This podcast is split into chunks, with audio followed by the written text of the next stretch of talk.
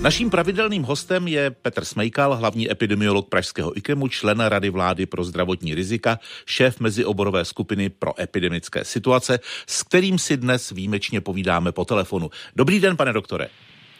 Dobrý den. My z pravidla každou středu v tomto čase probíráme aktuální situaci v České republice. Začněme tím taky dneska. Eh, čísla zhruba tak kolem 3700 eh, nových eh, pozitivních případů koronaviru, ale pokles oproti minulému úterku o 1300. Uklidňuje vás tenhle postupný, pomalý, ale přeci jenom trend? Um, uklidňuje, ale úplně ještě bych z toho žádné velké závěry nedělal. Víme, že úterý a středa bývají těmi kritickými dny, eh, kde ty záchyty jsou nejvyšší, takže počkejme se ještě na zítřejší, ale je to, je to ten trend, ten pozitivní trend pokračuje. Když bychom teď vystoupili z toho českého covidového rybníčku a podívali se na situaci kolem nového koronaviru eh, globálně, kde to, když to řeknu eh, velmi laicky, může v budoucnu nejvíc bouchnout? Tak eh, určitě jsme zaznamenali, určitě jsme zaznamenali, eh, co se děje v Indii, kde rapidně roste počet případů, nemocnice jsou plné, nestíhají, některé pacienty se tam ne, ne, ne, nedaří ani hospitalizovat a to Indie zase nemá tak špatný zdravotnický systém, takže příčinou je zřejmě mutace viru, která se tam šíří Nevíme, jestli to je už ta nějaká z těch známých nebo nová. Čili to je přesně to, čeho se bojíme, že by právě import eh, z těchto zemí, kde si, že to je miliardová země, kde se ještě nestihli vlastně proočkovat všichni, když eh, se tam třeba dělá AstraZeneca, ale je to prostě prostředí, ve kterém ten, se, tomu, se té mutaci viru daří. A import té mutace z takovéhle země k nám by mohl eh, zase tu situaci zvrátit. Proto ten náš důraz na sekvenaci a záchyt mutací. Který stále trvá. Eh, slyší na něj kompetentní místa? Tak slyší eh, na to, že je to nutné provádět, to určitě ano, ale stále se vyskytují ty problémy s tím, kdo to bude platit. To už vlastně známe už od začátku toho testování, že to je takový náš problém přehazování si toho té kapsy to tedy bude. No. Ale posun určitě e, nastal. Posloucháte rozhovor, jak zvládnout pandemii s doktorem Petrem Smejkalem. Pane doktore, jak hodnotíte ten více než týden, kdy trvá částečné obnovení školní docházky? No, e, tak e, školáci to zvládají, učitelé to zvládají co samozřejmě problém jsou ty testy, na to jsme upozorňovali. Já si myslím, že ten záchyt eh, bude možná vyšší s přibývajícími týdny, ehm, protože eh, samozřejmě ty děti přijdou do kontaktu s ostatními školáky a, a i při tom rozvolnění, eh, které pravděpodobně už nastává, se ten záchyt může zvýšit, ne nějak dramaticky. Proto je, je dobré jako zdůrazňovat, že to testování ve školách význam má, i když ta rotační výuka má význam větší, ale, jak říkáme vždycky, eh, dělat to PCR testem by bylo daleko spolehlivější a pro ty děti i příjemnější. Snad se tam také dostaneme.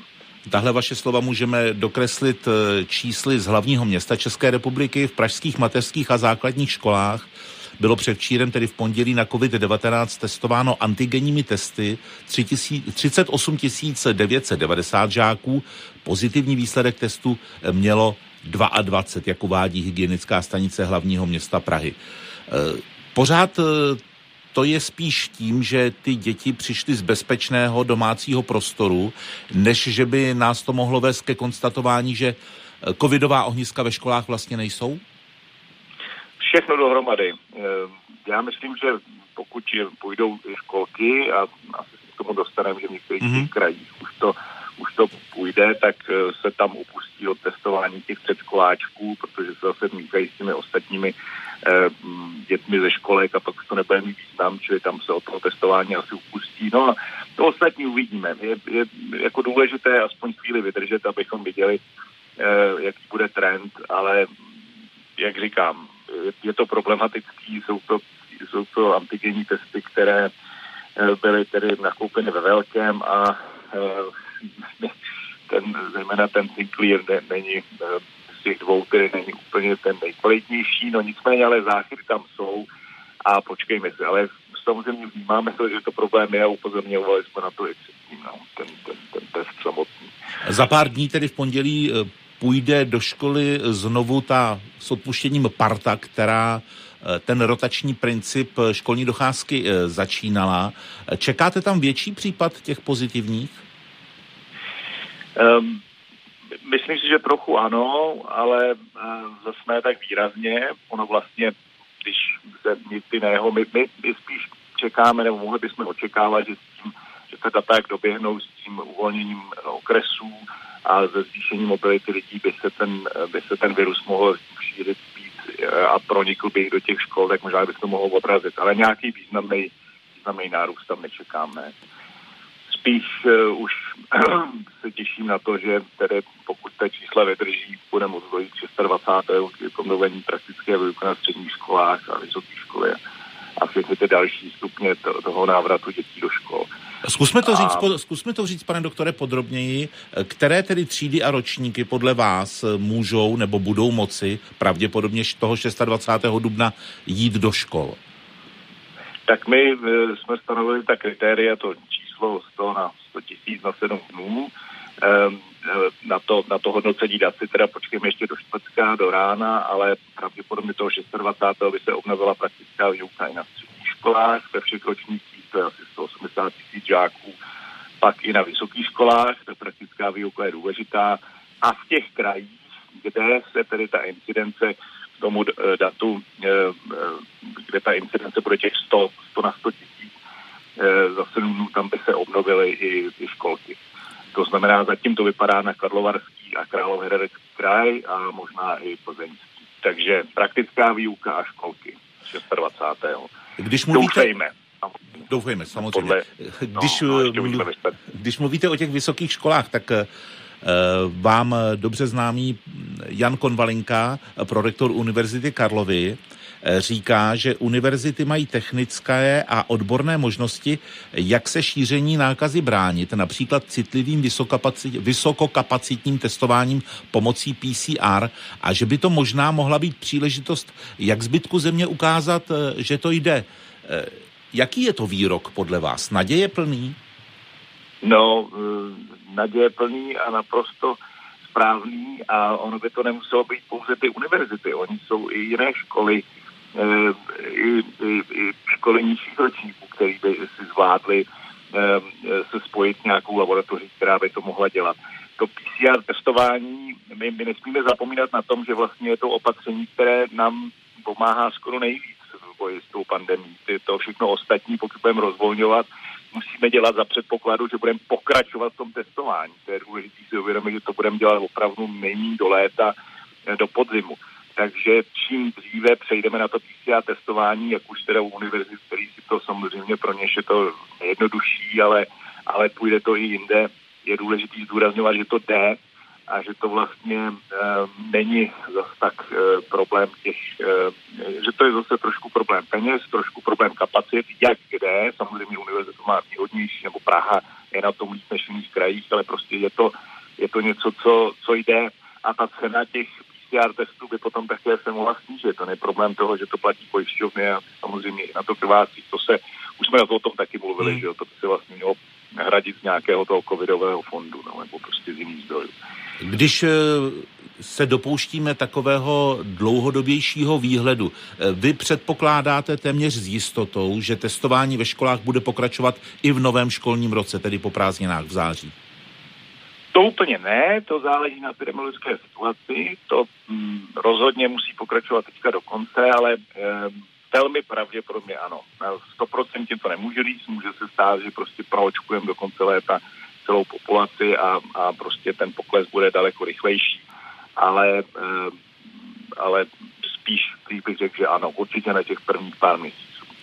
Debata se v České republice vede i o možnostech nebo nemožnostech eh, sportovat. V sobotu eh, se má zase jednat eh, o možném rozvolnění sportování, když to tak řeknu. Jaké je k tomu stanovisko vaší odborné skupiny MEZES? No, my vnímáme samozřejmě jako trošku tlaky ze všech, i, i tedy z, z oblasti průmyslu, služeb, jak to prostě, co, vš, co všude by se mohlo rozmolnit. My vždycky říkáme, důležité jsou ta čísla a ne ta konkrétní kalendářní data, takže e, zase bude důležitý, na, jaké, na jakých číslech incidence budeme. E, I třeba v, v krajích nebo v okresech, ale e, sport je přece jenom, pokud je víc těch lidí dohromady, nemohou mít roušky, to se nedá Eh, sportovat, tak je, tak je dost, dost rizikový, čili pořád tam bude platit, i pokud dojde k nějakému minimálnímu uvolnění, pořád tam bude platit omezení na počet, eh, počet těch sportovců. Posloucháte? Já bych prostě, no pardon, ještě ne, doplnil, já bych úplně teďka ještě vydržel do konce týdne na ta data, než bychom se bavili o sportu a o všem ostatním, jenom buďme trpěliví. Ano, chtěl jsem říct, že posloucháte rozhovor, jak zvládnout pandemii s doktorem Petrem Smejkalem. Eh, slyšel jste, pane doktore, i o projektu eh, Bezpečná provozovna, o kterém mluví hospodářská komora? Ano, slyšel jsem o tom, je to dobré, že hospodářská komora se eh, posunula od vnímání home officeu jako placené dovolené. Hm, omlouvám se, že jsem si trochu dloubnul až k takovému jako výbornému nápadu. My už o tom taky mluvíme dlouho. My tomu říkáme eh, TNO, test eh, nemoc očkování, to znamená nějaký průkaz, ať už tomu budeme říkat covidový pas, nebo nějaký průkaz toho, že jste testován. A tady zase to bude ideálně PCR test, nebo že jste očkován, nebo že jste prodělal to onemocnění, by vám umožnilo eh, otevřít eh, nejenom provozovny, ale třeba i kulturní akce a všechno ostatní vlastně celkem mimo ten, ten jako ne úplně, ne, ne úplně závislé na ten proces toho rozvolnění. Čili pro majitele třeba takovýhle, eh, takovýhle eh, pasů nebo, nebo karet by, by se možná něco dalo dělat i dřív než pro ty ostatní. Takže vnímám to velmi, velmi pozitivně a jsem rád, že hospodářská komora je, zdá se, motorem toho, že, že by to mohla udělat. Eh, to je, to je IT technologie, která funguje jinde a dala by se určitě udělat u nás. A teď ještě ke klíčovému tématu očkování. Minister zdravotnictví chce pustit eh, do systému očkování každý týden pět ročníků, postupně šedesátníky, pětapadesátníky a padesátníky plus. E, myslíte, že ten plán vyjde? Já myslím, že vyjde, tak teďka konečně se přesouváme od toho e, očkování v nemocnicích směrem k velkým centrům a praktikům. Ehm, zase záleží to na, na postoji k vakcínám, na tom, jestli, jak dopadne Johnson Johnson. Zase zdá se, že přes ty, ehm, ten, ten, ten start ehm, problematický Myslím, že to bude asi jako s Astrou, že tam nějaké to riziko bude, ale přínos daleko převažuje rizika, bude se Johnson Johnson očkovat a e, vypadá to, že na ten květen a červen opravdu těch vakcín bude hodně, takže bychom se mohli dostat k, vysokým číslům. Hmm. Ve Švédsku bude hmm. lidem mladším 65 let, kteří už dostali první dávku vakcíny AstraZeneca, e, jako druhá dávka podávaná e, také vakcína, ale od jiné firmy. E, nevadí to? To nevadí, to, to rozhodně nevadí. Samozřejmě lepší, když dostane dvě dávky od té samé firmy, ale nevadí to, ne. To znamená, že můžu eventuálně dostat první dávku Pfizer, pak dejme tomu nebudou a eh, můžou mi píchnout Modernu? Jo, ano, tak to je úplně ideální, protože tady máte messenger RNA vakcíny jedna i druhá, hmm. ale dá se i ta vektorová kombinovat s tou messenger RNA, to znamená Astra. Astra, Astra s Pfizerem nebo s Modernou? Pfizerem třeba nebo s Modernou, ano. Pane doktore, já vám děkuji za další rozhovor pro radiožurnál. E, tentokrát to bylo po telefonu, tak se omlouváme posluchačům za lehký posluchačský diskomfort a vám přeju pěkný den a těším se příští týden na viděnou a naslyšenou. Naschledanou. E, já doufám, že to bude v podobně optimistickém duchu. E, přeju všechno nejlepší vám, posluchačům a taky se budu těšit. Naslyšenou.